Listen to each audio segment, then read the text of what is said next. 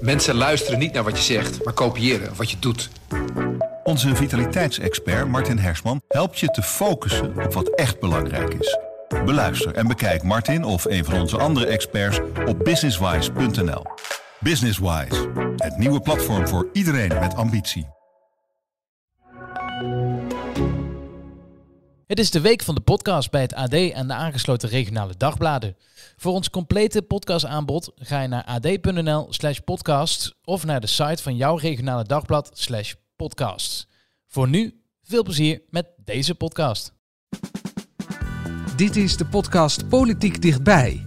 Met Tobias den Hartog en Thomas Brouwer. Is de anderhalve meter plicht dan eindelijk verleden tijd? Minister Kuipers kan komende dinsdag waarschijnlijk veel goed nieuws brengen. De Tweede Kamer wil actie tegen de stortvloed aan gokreclames en een MeToo-kwestie of toch niet?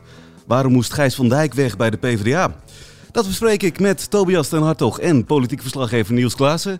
Niels, de mandarijtjes zijn er weer bij. Ja, goed voor het immuunsysteem, dank. Ja, We moeten ons toch een beetje voorbereiden, want de Mhm. halve redactie is ziek op dit moment. ja het gaat hard. Eh, Omicron gaat als een dolle en eh, spaart ook de media niet. Nee. Tobias, en dat terwijl er dus allerlei versoepelingen weer aankomen. Ja, paradoxaal hè. Ja, nou ja, het, het is minder ziekmakend hè, Omicron. Eh, Kuipers eh, stuurde gisteravond, eh, donderdagavond, nog een briefje naar de Tweede Kamer. Minder ziekmakend. Ziekenhuisaantallen lijken niet, die lopen niet schrikbarend uit het lood. Eh, dus, eh, dus is er ruimte. Ja, ik mag sowieso van geluk spreken dat jullie er alle twee weer zijn.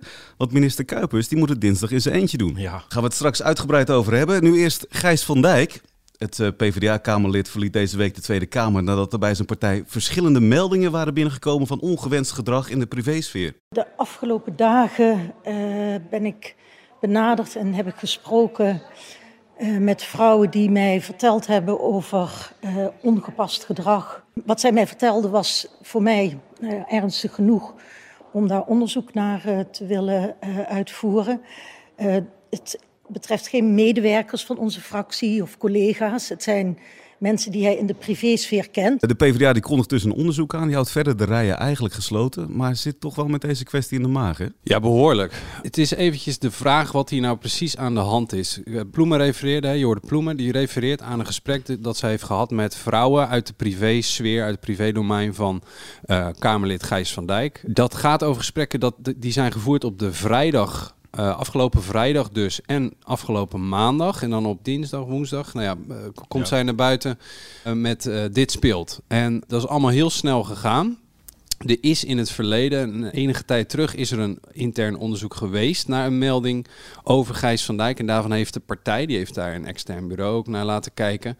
eh, die heeft gezegd, ja, daar was, dat is niet aannemelijk dat het is gebeurd zoals die mevrouw zegt dat het is gebeurd. Het ging al om een knuffel en hij, zou haar op een of andere manier tegen een muur of iets hebben aangedrukt. Nou, in ieder geval eh, echt fysiek contact. De partij heeft gezegd, ja, dat is eigenlijk niet, niet te bewijzen. Wat is er nou de afgelopen dagen dan veranderd. Er, zijn, ehm, er is in ieder geval nog één andere melding binnengekomen bij de partij. En dat, daarmee lijkt het dus een beetje versneden te zijn geraakt. Dat zijn die meldingen uit zijn privéleven. Nou, bij ons ging ook eh, op de redactie afgelopen dagen de telefoon. eh, zijn rond gaan bellen. En eh, dan, blijkt dat daar ook... Daar zitten exen bij van Gijs van Dijk. Exen waarmee die ook niet op een hele vriendelijke manier uit, mee uiteen is gegaan. Er is sprake geweest van relaties die wat door elkaar heen liepen. Overspel. Allemaal moreel heel erg verwerpelijk. Maar eh, het is dus, eh, zeggen een aantal PvdA'ers, hè, ik bedoel, dit verzinnen wij zelf niet, maar een aantal PvdA'ers, die zeggen dus ook van ja, wordt hier niet het een met het ander vermengd en alles op één hoop van seksueel wangedrag, zeg maar, gegooid. Eh, en is Van Dijk niet heel erg snel, misschien te snel, die fractie uitgejaagd. Nou ja, kijk, de waarheid eh, zal voorlopig op het kerkhof liggen, want er, moet, er wordt nu gewoon eh, onderzoek gedaan. Dat zal op, op enig moment duidelijk worden. Maar ja, de vraag is wel, eh, is dit een zuivere MeToo-affaire of is dit een Me- MeToo-affaire waarbij er ook nog een beetje privé mee is vermengd? Of zijn al die zaken misschien oneigenlijk op één hoop gegooid? Nou ja, dat is vooralsnog... Ja, en dan doet de partij waarschijnlijk het enige wat ze nu nog kan doen. In zo'n geval is in ieder geval dat goed onderzoeken. En tot die tijd ook vragen eh, aan het Kamerlid eh, een stap terug te doen. Ja. dat kan dan achteraf kan het misschien deels te heftig zijn gebleken, Ja. die eh, reprimande. Of, het was, eh, of de zaak zit toch serieus in elkaar en het was terecht. Ja, dat is altijd uh, ja, achteraf pas te concluderen. Maar ja, dit laten zweven. Ja, nee, dat kan ook niet. Dat en dat is. Lilian Ploemen, eh, leider van de PvdA, staat met de rug tegen de muur. Ik bedoel, zij heeft, als je, als je vraagt wat zijn haar speerpunten, hè? We, zi- we zitten ook in aanloop naar de gemeenteraadsverkiezingen, moeten we ook niet vergeten. Maar wat zijn haar speerpunten? Nou, dat is eigenlijk een speerpunt. Dat is namelijk vrouwenrechten. Zij heeft voor die, eh, als minister heel veel gedaan voor die abortus mogelijk maken. Hè? Eh, de, ook in, in eh, arme landen, ook in landen waar heel veel weerstand was. Ja. Dit is haar ding. Vrouwenrechten is haar onderwerp. Ja, en dan heb je een kerel in je, achter je staan die, ja, waar mogelijk het een en ander op af te dingen valt. Dus ik begrijp wel vanuit haar optiek dat ze zegt van ja, waar, waar, op dit moment zie ik rook en eh, misschien een vlammetje. Eh, ik wil er niet bij in de buurt gezien worden. Ja, dat is ook wel te begrijpen. Wat het dan extra gevoelig maakt misschien, is dat op diezelfde dag Mariette Hamel wordt gepresenteerd als de regeringscommissaris seksueel geweld. Ja. Dat is natuurlijk ook een, een, eh, een dame van de PvdA. Ja. Ja. Wat gaat zij dan precies doen? Nou, goede vraag. Ik denk dat als je het haar vraagt. Kijk, zij kwam met een verhaal. Zij moet de discussie gaan aanjagen. Hè? Eh, Robert Dijkgraaf, de minister van eh, Onderwijs, gebruikte eh, de vergelijking met. Je, je rijdt in het verkeer ook geen 160 waar je 30 mag. Ook, en dat doe, je, dat doe je gewoon omdat je weet dat het zo hoort. En dat doe je niet omdat je weet dat er op elke, agent, op elke hoek van de straat een agent staat om dat te controleren. Je gedraagt je gewoon naar die regels. Die bewustwording. Ja, dat moet zij gaan aanjagen. Ja, nou ja, dat is heel vaag en abstract, heel haags. Ja, ze wil volgens mij vooral, en dat zei ze van de week tenminste naar eerste eh, verklaringen, dat, ja, dat er veel loskomt. Hè? Ze wil Ja. dat, er, dat er veel verhalen komen, dat, dat vrouwen zich uitspreken. Dus ze wil ook vooral ja, eerst ja, die bewustwording blijkbaar eh, bereiken via meldingen, de verhalen, ervaringen delen. Dan wordt het bespreekbaar redeneerd zijn en dan zou je ook met een ja, actiepakket kunnen komen. Maar dit is maar net wat je van de functie maakt, denk ik. Ja. Ik denk dat ze die vrijheid ook heeft. Kijk, het, het, het is enerzijds de prijzen natuurlijk. De politiek is, eh, is het daar om, om problemen op te lossen. En, en misschien is dit een pleister of misschien is dit een remedie. Het zou kunnen. We, we hebben heel vaak van dit soort eh, regeringscommissarissen aangesteld. Ik zou er nog geen eh, twee of drie op kunnen noemen, bij wijze van spreken. Dus je, je kunt je ook afvragen van, ja, wat, wat heeft dat in het verleden gedaan? Aan de Maar dit is kant- wel een onderwerp waar je waarschijnlijk de komende tijd nog wel meer over gaat Ja. horen. Ik bedoel, in het verleden Ja. zijn wel meer Kamerleden beschuldigd van ongepast gedrag. Ja. Daar wordt nu misschien anders naar gekeken of mee omgegaan. Ja, ik denk wel dat de tijdgeest. Ik, ik, weet je nog de eh, affaire bij eh, GroenLinks? Eh, er was een stagiair en er was een persvoorlichter. En die persvoorlichter en stagiair die liepen na een avondje met eh, partijen of wat dan ook, gezelligheid, liepen ze naar huis. Toen heeft die persvoorlichter haar geprobeerd te zoenen. Zij heeft duidelijk aangegeven van. eh, ik ben hier niet van geniet, ik heb er geen zin in, dit, dit hoeft van mij niet. En hij, hij bleef aandringen, bleef aandringen, ik wil jou enzovoort. Nou, die teksten, die, dat is allemaal op papier gezet later.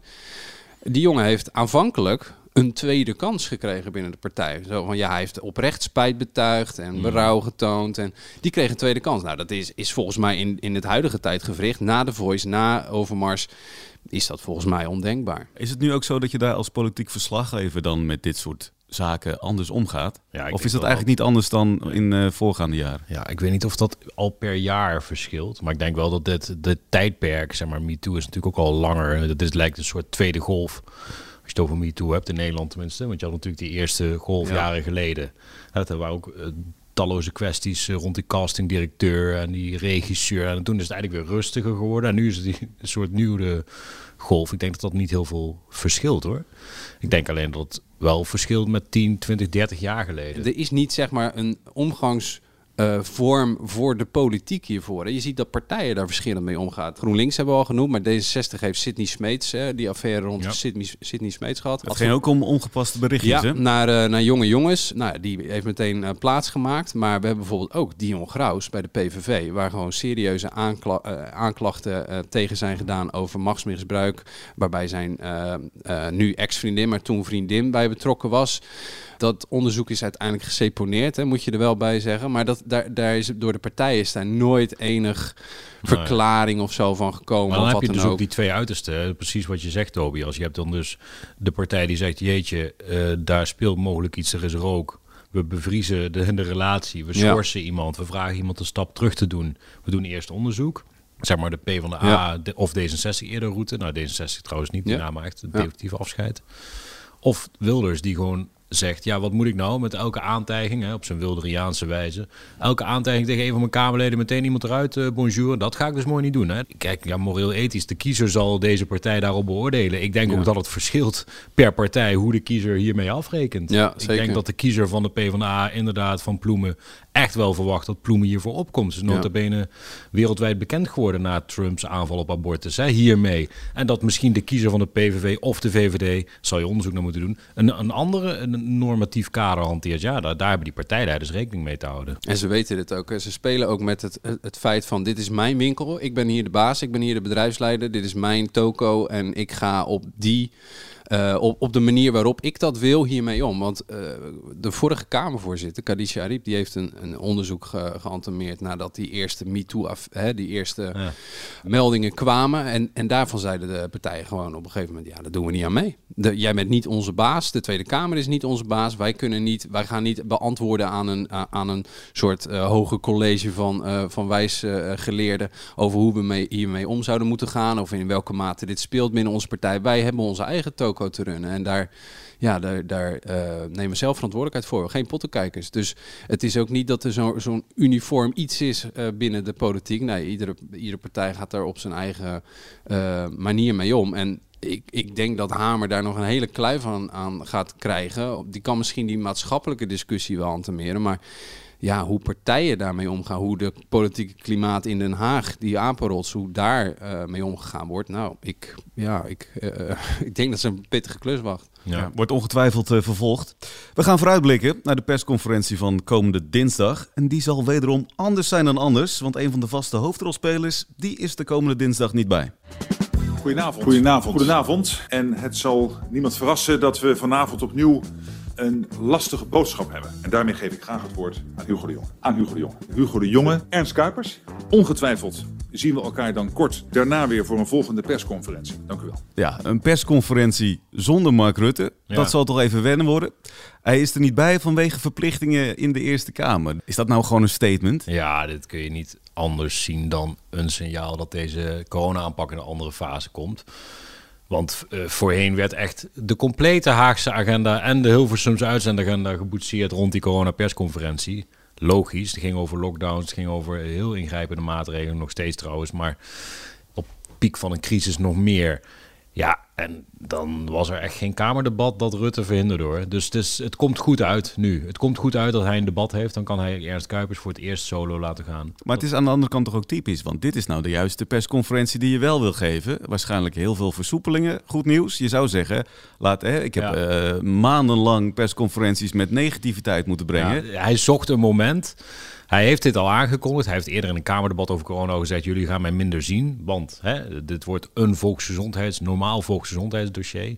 Ja, wanneer doe je dat dan? Ja, je had kunnen zeggen: ik kan nog even kunnen bloemen kunnen vangen. Maar ja, Rutte heeft er ook al te veel gedaan. Ik denk niet denk dat hij ook beseft dat hij op die manier ook niet uh, daar uh, bejegend wordt. Nee, die, kijk, die staatsmankaart die, die, die, die hiermee altijd heeft getrokken. Hè, van ik, uh, de vader des naties spreekt het land toe enzovoort. Ja, die kaart die heeft hij al uitgespeeld. Dus ik bedoel, dat, dat is niet zo dat, dat hij daar nog heel veel punten op kan scoren, denk ik, electoraal gezien. En eventjes, advocaat van de duivel, Niels, jij weet het beter dan ik, maar is het communicatietechnisch de persconferenties waarbij goed nieuws wordt aangekondigd, die worden volgens mij slechter ja. bekeken dan ja, de, die, die waar, waar goed nieuws wordt aangekondigd. Dus als je het op de kijkcijfers uh, zou, zou gooien, dan heeft hij ook nog wel een verhaal, zeg maar. Maar denk je dat hij meer kijkers trekt in die zaal uh, van de Eerste Kamer? Uh, ja, nee, nee, dat is waar. ja.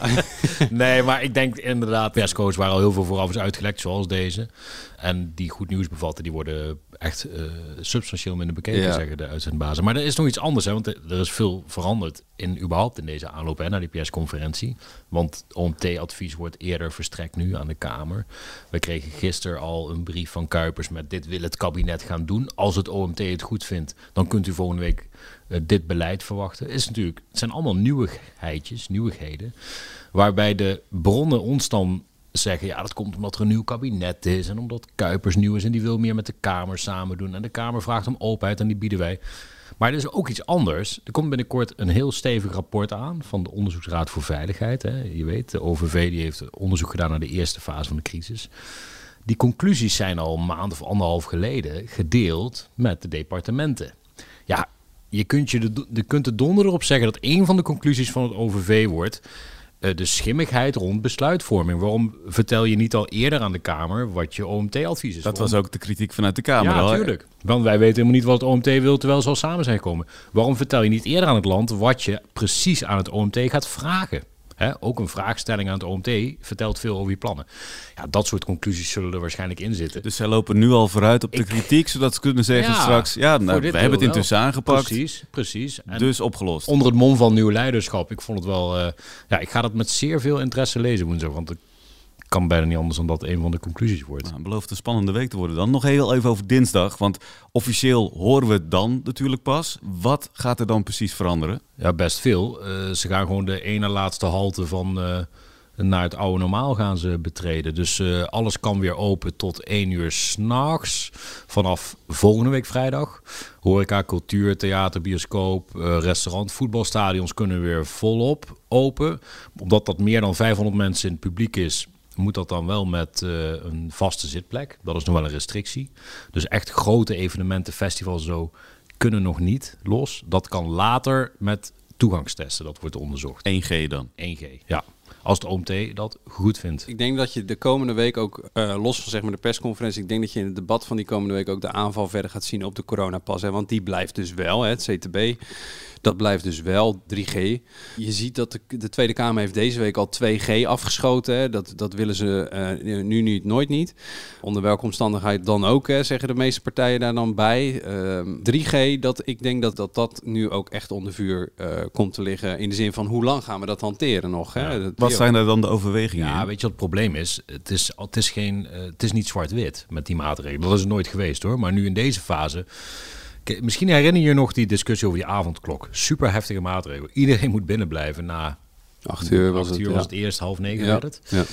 Daar is gewoon nooit een goed, ja, ze noemen ze in de wetenschap dan een goed dubbelblind onderzoek naar ged- gedaan. Met andere woorden, je hebt nooit een soort testomgeving gehad met een land in de avondklok, een land als Nederland niet in de avondklok. En wat is precies het effect?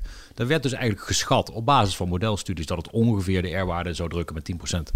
Hetzelfde zie je nu met die coronapas. Dat is geen exacte wetenschap. Je weet dat het iets van een dempende werking zal hebben als jij iemand negatief getest hebt, gevaccineerd hebt, ook met boost dan of eh, genezen bent. Ja, dat is een inschatting. Het helpt. Eh, en dan plakken ze daar een percentage op. Ja, dat is niet overtuigend voor heel veel partijen. Die zeggen, ja jongens, jullie perken onze grondrechten nogal in. Met een virusvariant die veel milder is. Waarom doen we dit nog? Ja, dat is gewoon een, daar kun je gewoon over discussiëren. En dat gebeurt dus ook. Moeten we er dan vanuit gaan dat 3G ook echt binnen een aantal maanden echt gaat verdwijnen? Nou, dat we die, denk- die dat vinkje... Ja, gaat het Ja. zo snel al? Ja, Als die coronapiek is wat die nu lijkt, en daar zitten we op, we cirkelen nu rond die Omicron-piek. Je kijkt naar bijvoorbeeld naar het Verenigd Koninkrijk, dan zijn ze echt, hebben ze die bocht echt al weken geleden genomen en die blijft dalen. Ja, waarom zou je vasthouden aan een coronapas als jij geen problemen meer hebt in je zorg en je hebt geen problemen meer met je, met je zorgsysteem van, van, van huisarts tot IC, hè? want het is breder dan dat.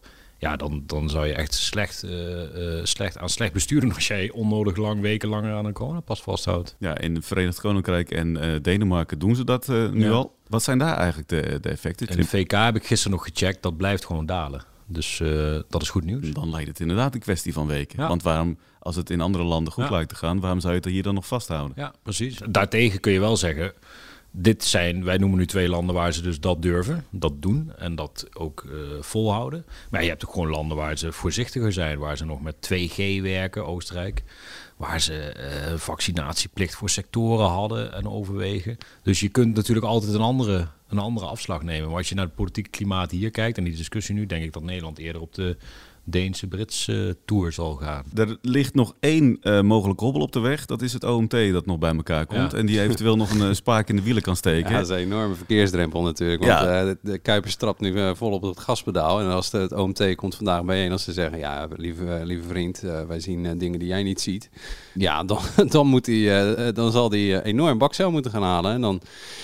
eh, gaan halen. En dan, dan eh, is het een enorme eh, teleurstelling op, al, op, op, op deze dagen van er komen versoepelingen aan. Ja, een ja. grappige strijd ook wel, hè? want je had ooit een OMT, ehm, moet ik het goed zeggen, na het katshuis. Ehm, en dan hebben ze dat naar voren gehaald, Ja. OMT'ers, omdat ze elke keer irritant vonden ze dat ze geconfronteerd werden met Haagse lekkages.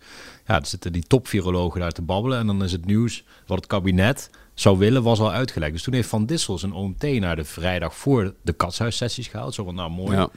Dan zijn wij in ieder geval in de lead. Dan laten we ons niet eh, eh, door de Haagse lekkages eh, beïnvloeden. En nu gaat Den Haag daar weer voor zitten. Ja, eigenlijk wel, ja. Ja, nee, het is, het is ook, je, je kan het nooit helemaal dichtsmeren. Of naar ieder zin maken in ieder geval. Want het, het, het een beïnvloedt altijd het ander. Als de politiek zegt, eh, ja luister lieve vrienden, we willen eh, de, ker de kermissen laten draaien. En het OMT zegt, ja het gaat niet. Ja, dan, eh, dan heb je een teleurgesteld. Da- daar zit een, een, een soort machtsbeïnvloedingsdruk zit daarin. Ja, dat is, dat is Ik denk wel dat onherroepelijk. het voor... en het kan nare ongelukken veroorzaken. Hè? Want als jij nu bijvoorbeeld je restaurant voorbereidt op een, eh, een Ja. uren langer open... omdat je het kabinet dat wil...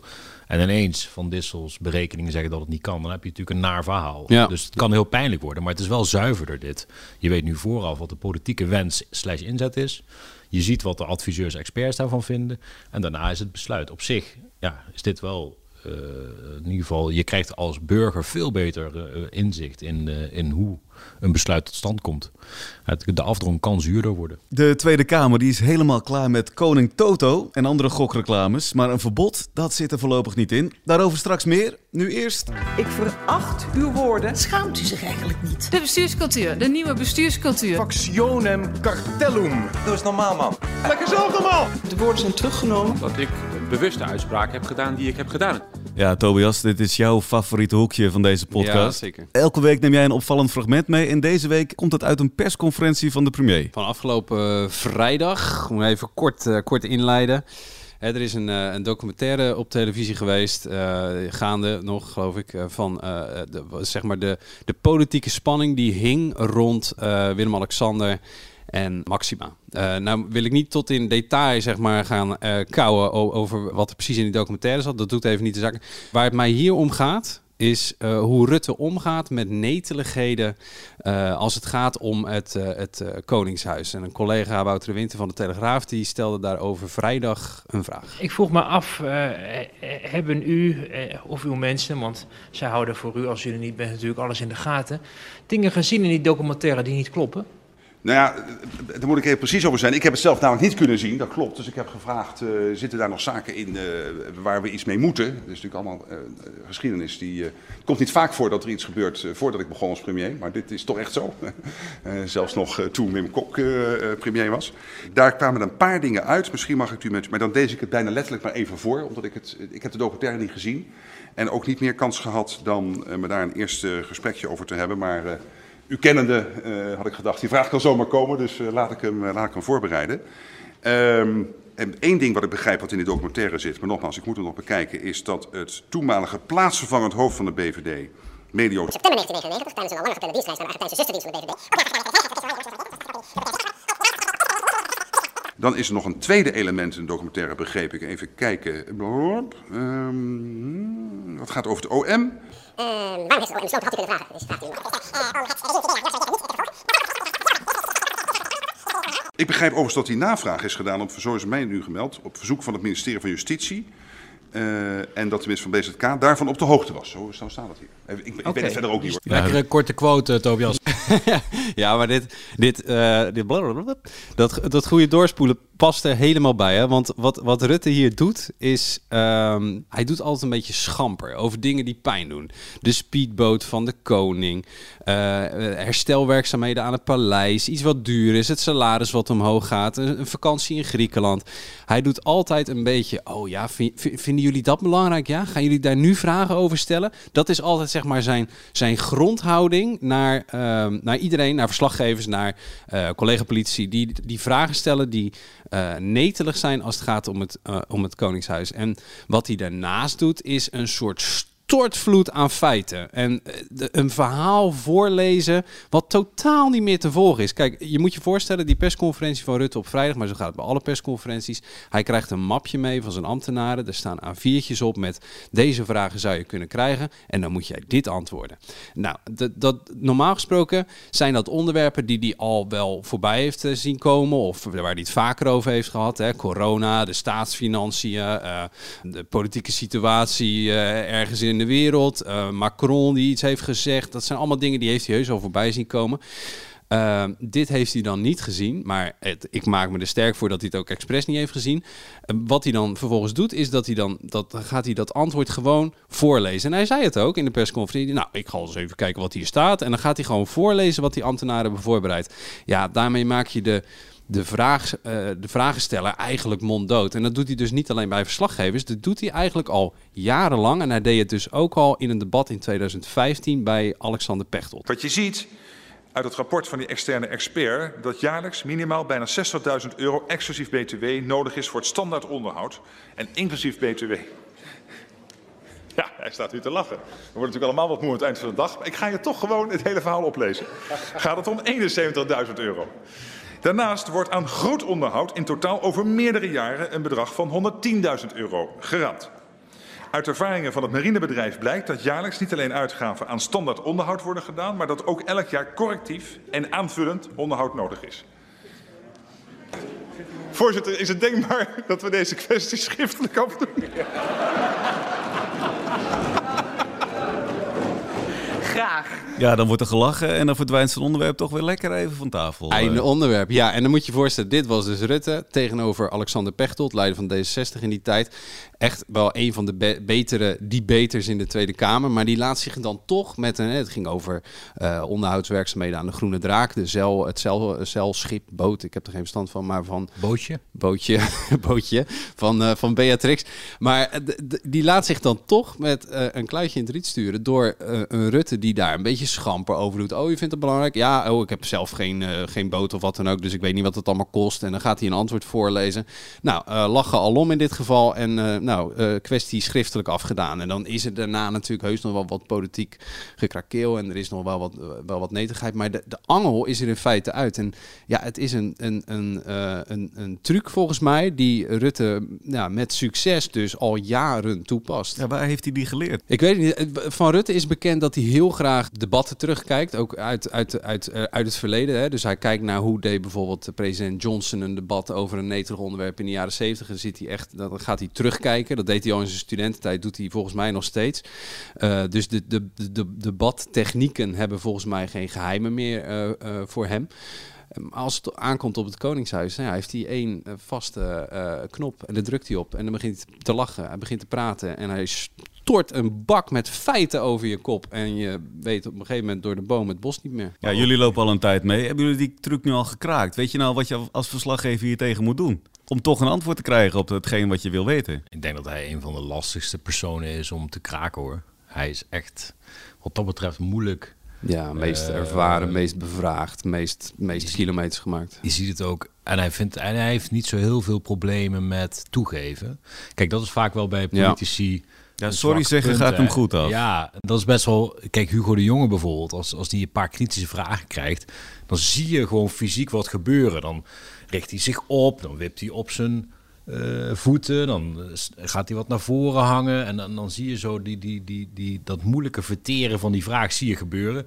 En Rutte denkt gewoon, oh, als het hier nodig is om nog een keer sorry te zeggen. De laatste bij een persconferentie ja. corona kreeg hij een hele stevige vraag. Op een gegeven moment zei hij, ja, ja, eigenlijk moet ik ook maar gewoon sorry zeggen toen dacht ik ook van ja, dat als dit ook in ja. je arsenaal zit, ja, dan ben je niet meer zo makkelijk. Maar dit gaat toch ook irriteren? Ik bedoel, ja. dat sorry, dat betekent nou ja, heel weinig Tobias, meer. Dit soort lange antwoorden, dat die krijg Tobias je dus. zei het op de persconferentie vorige week zelf nog, volgens mij tegen Rutte, toen hij ook weer zo typisch op zijn Ruttes een probleempje aan het probleempje aan het bagatelliseren was. Toen had hij het over 2G en andere lockdown maatregelen als hamertjes en bijteltjes en een gereedschapskist. Ook typisch Rutte. Misschien bedoelt hij er niks mee, maar zo maakt hij een serieus onderwerp heel klein. Dat doet hij dus ook met dingen rond koningshuis, bootje, stijgertje. Nou, en Tobias zei ook van ja, u noemt het nu hamertje of bijteltje, maar ja, het gaat toch wel ergens over. En dat is echt wel zijn zwakke plek. En inderdaad, daar zullen kiezers, als ze dat horen, je hebt dat café of die, of die, of die discotheek, dan denk je, oké, okay, fijne premier. Ja, nee, ja die, die, die, dat, dat, dat schamperen, dat kan, kan hem een keertje in zijn... Uh, kan hem een keer duur komen te staan. Maar, ik, uh, maar werkte dat? Want jij deed dat dus. Hè? Nee, ja, maar dan doet hij dus precies wat Niels zegt. Dan zegt hij, uh, oh ja, ja, dan neem ik dan meteen terug. Dat had ik niet meer zo moeten zeggen. Ja, ja, ja, wat kun je dan verder? Ja, nee, ja. Dus het is, kijk, Rutte hangt morgen zijn jas op kantoor en daarnaast hangt hij zijn ego. Want het is, het is echt, het is wat dat betreft heel moeilijk om daar grip, eh, eh, grip op te krijgen. Dat, dat glijdt er doorheen. En ik denk de enige manier waarop, dit, eh, waarop je dit zou kunnen ondervangen is hem te onderbreken in die enorme riedel aan feiten en te zeggen nee maar wacht even, nu gaan we het eventjes stap voor stap. Maar dat gaat vaak niet in zo'n persconferentie. Ja, die, Zoveel vragen heb je natuurlijk ook niet. Zoveel tijd heb je niet, zoveel vragen heb je niet. Ja. Nou ja, dat is, daar komt hij dus eh, mee weg. En, en dat is in de Tweede Kamer niet anders, want dan heb je ook een paar vragen en een paar interrupties. En, Maar ook zeggen, hij zegt bijvoorbeeld nog even daarover, dat vind ik dan weer zo markant. Dan zegt hij, ik heb die documentaire niet gezien. Nou, Mhm. dat, dat, geloven we meteen. Dat was vier avonden achter elkaar volgens mij. Ik moet hem ook nog terugkijken, staat op mijn lijstje. Mhm. Maar vervolgens, dat is natuurlijk nooit een excuus bij een premier of minister. Eh, Die zien en lezen zoveel niet. Ja, nee, je Daar gaat hebben ze mensen voor, Ja. weet je wel. Ja, je gaat het is erover, Ook weer ja. zo'n, En dat is heel subtiel. Ik heb hem niet gezien. Ja. En dan denk je menselijk, psychologie, denk je... Ja, dan kan hij er ook natuurlijk Ja, ook dat weinig over zeggen. Maar dat is natuurlijk onzin. Ja, politieke verantwoordelijkheid reikt verder dan Ja. eh, wat jij hebt gezien. Ja. Ja. Ja, dit is natuurlijk de rubriek van eh, Tobias, maar er wordt intussen flink aan je stoelpoten gezaagd. Niels heeft ook een fragmentje meegenomen. Ja, ja, ja. Nee, ga je gang. Ga je gang. Niels, take it away. Ja, dit is jouw moment, Niels. Dit is mijn moment. Ik voelde de druk, maar het was wel interessant. Het ging, dat was uit de commissievergadering over een initiatiefplan over de GGD van de toekomst. Wat we nu gaan horen is eigenlijk nieuwe bestuurscultuur met twee hoofdrolspelers die je daar op dat podium eigenlijk niet verwacht. Eh, dan moet je even weten dat de Kamer zichzelf eh, eh, wat matigingen heeft opgelegd in het indienen van al die moties en voorstellen en aanvragen voor spoeddebatten. Is allemaal te veel, vinden zelfs de partijen zelf. Ja, hebben daar een chic onderzoek naar laten doen, commissie van de Staai. En geconcludeerd van ja, Kamer, als wij die waan van de dag iets meer loslaten, dan kunnen we hier misschien ook betere wetten maken. En dan voorkomen we zaken zoals die beruchte toeslagenaffaire. Tot grote teleurstelling vast van mevrouw Van, van den Berg. Want nou kan ze eindelijk een motie samen met, eh, met mij indienen. En dat, dat is natuurlijk niet vaak. Maar in al mijn wijsheid en ook naar, de aanleiding van de commissie van de STA... hebben besloten om de motie waarin we vragen voor die landelijke faciliteit... om die niet in te dienen, want we hebben een toezegging. En dat was toch wel de, de, de afspraak met elkaar dat we dat eh, zouden gaan doen. En daarmee zou ik eigenlijk ook eh, de indiener willen feliciteren. Revolutionair. We horen nu Renske Leijten van de SP. Eigenlijk tegen oppositie, en ferm en kritisch oppositielid. Tegen een coalitiekamerlid zeggen, CDA, Joba van den Berg. Van ja, heel fijn dat u samen met mij die motie wilde indienen om het kabinet een opdracht mee te geven. Maar dat hoeft niet, want we hebben gehoord dat het kabinet eigenlijk al onze zin wil geven. Ja, dat is voor Haagse begrippen een kleine revolutie. Want dan zie je dus dat ze, eh, blijkbaar als ze dit volhouden, het, eh, het inhoudelijker debat gaan voeren. En als zodra zij het idee hebben dat een minister daar zit, in dit geval een staatssecretaris, die jou ja, eigenlijk wil geven wat je wil, namelijk eh, een betere voorbereiding op de volgende pandemie, daar ging dit over. Ja, dan eh, trek ik mijn plan in. Nou ja, als dat eh, doortrekken, Tobias, dat scheelt ons heel veel. eh, Al- Alleen, alleen ik begrijp dat Joba van den Berg van CDA, die had die memo nog niet gelezen. Dus die dacht dat, je, je moet nog steeds heel veel moties indienen om eh, op Twitter de sier, Ja. sier- goede sier te Nou maken. ja, voor je achterban is het even wat anders natuurlijk. Want die Ja. ziet nu niet eh, een motie van de SP aangenomen Precies. en we gaan dit doen. Normaal is dat een leuk Twitter-momentje. Of eh, dat kun je Ja. in, je, in je campagne weer opbrengen. Maar het is natuurlijk ook. Het is, het is niet meer te doen. Want als je ziet hoeveel debataanvragen lopen, hoeveel moties er worden ingediend. Alleen al bij een coronadebat soms 20, 25 is helemaal niet gek. Ja, inclusief die motie van wantrouwen. Het, uiteindelijk, ik bedoel, laten we hier de straat oplopen en even een paar mensen vragen welke motie zij zich herinneren. Het is uiteindelijk dat is natuurlijk ook niet zo belangrijk. Ik bedoel, het gaat erom dat je voor elkaar krijgt wat je wil met een onderwerp of het land. Ja, en de weg daar naartoe. Ja. Ja. Gaan we dit nou vaker zien? Ja, ik denk als zo. D- Dit kan best wel eens een, een treintje worden, ja. Eentje die goed is. Ja. Sinds 1 oktober is online gokken legaal in Nederland. En sindsdien worden we overspoeld met dit soort reclames. Ja, ja, ja, ja. Stil die kaarten. Het gaat hier namelijk niet om de eentjes en de tweetjes. Leef spannend. Niet roekeloos. Ja, ik was de mazzelaar die dit in elkaar mocht zetten. Dan heb je dus de hele dag koning Toto in je hoofd. De Tweede Kamer is er ook helemaal klaar mee. Die wil een verbod, maar dat is niet zomaar geregeld. Volgens minister Frank Weerwind van Rechtsbescherming kan dat zeker nog twee jaar gaan duren. Ja. Waarom zo lang? Ja, omdat de wetten moeten worden aangepast. Ja, het is echt een naar eh, dossier geworden. En het is niet zo dat er niet voor gewaarschuwd is. Want echt, als je die stuk ook terugleest van jaren geleden. Ja, die gokwet is dus aangepast. Eh, online gokken mag nu ook bij Nederlandse bedrijven. Dat kon eerst niet. Hè. Dan, eh, tot eh, het najaar moest je dan eh, via buitenlandse aanbieders een gokje wagen. Nou, is vrijgegeven.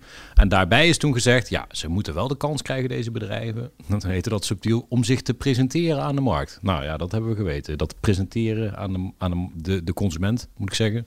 Dat is wel gelukt. Ja, totaal doodgegooid met die reclames. Ja, de partijen die er tegen waren, ChristenUnie, SP, eh, die zeggen ja, we told you so. Dit is precies wat wij voorspelden. Er zijn zelfs moties door hen ingediend van verbied dan in ieder geval die reclames. Ja, hebben het niet gehaald. De coalitie heeft altijd, uh, de coalitiepartijen hebben altijd kabinetskoers gesteund. Ja, en nu krabben ze zich achter de oren. Hebben ze zelf enigszins spijt dat ze zo uh, die uh, carte blanche hebben gegeven. Ja, nu zijn er wel meer irritante reclames. Waarom zijn juist die gokreclames dan zo, zo gevoelig? Waarom is, maakt de Tweede Kamer zich daar zo druk over? Ja, omdat verslavings, de verslavingsproblematiek in de hand kan werken. Daar vrezen ze dus voor. Partijen schermen ook al met de eerste ja, op toename van het aantal gokverslaafden bij jongeren. Zeker in lockdown-tijd. Kun je je alles bij voorstellen. Ik denk dat er harde data daarover nog moeten komen hoor. Maar dat, kijk, niemand vindt dit goed. Dit was al te veel. Dus ja, ik sprak iemand van D66, Joost Sneller, Kamerlid, die zei...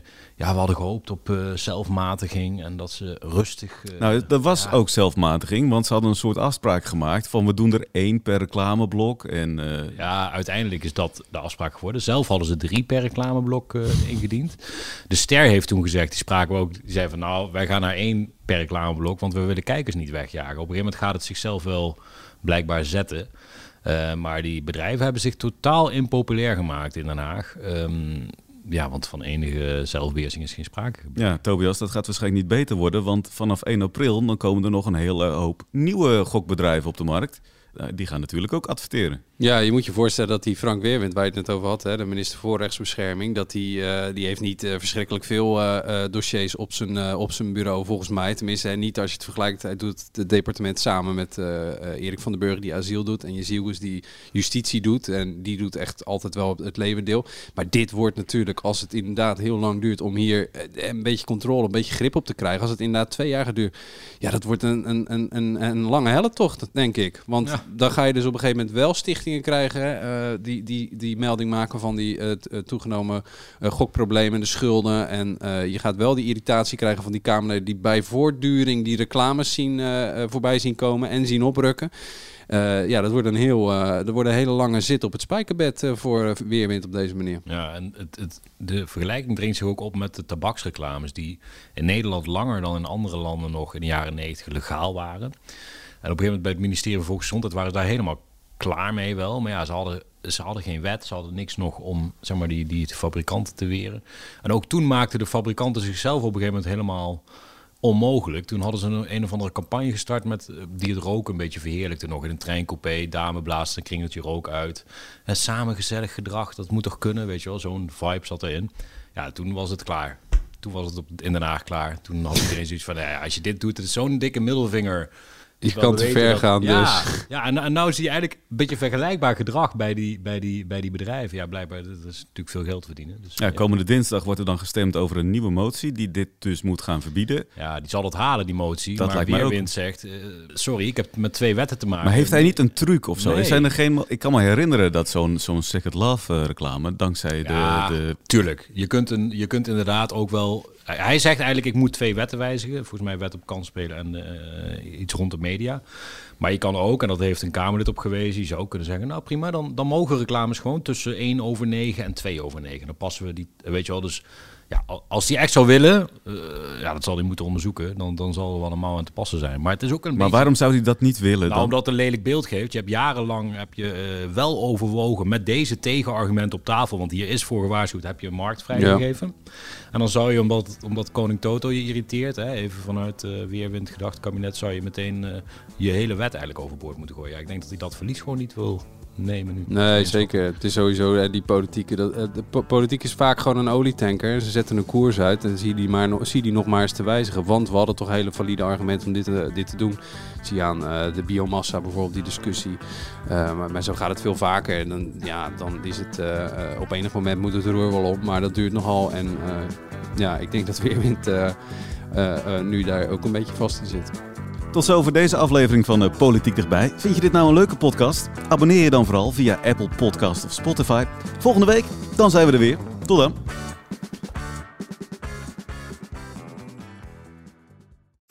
We worden dagelijks overladen met overbodige informatie. En het is moeilijk de zin van de onzin te scheiden. Daarom vertrouw ik op echte journalisten in plaats van meningen.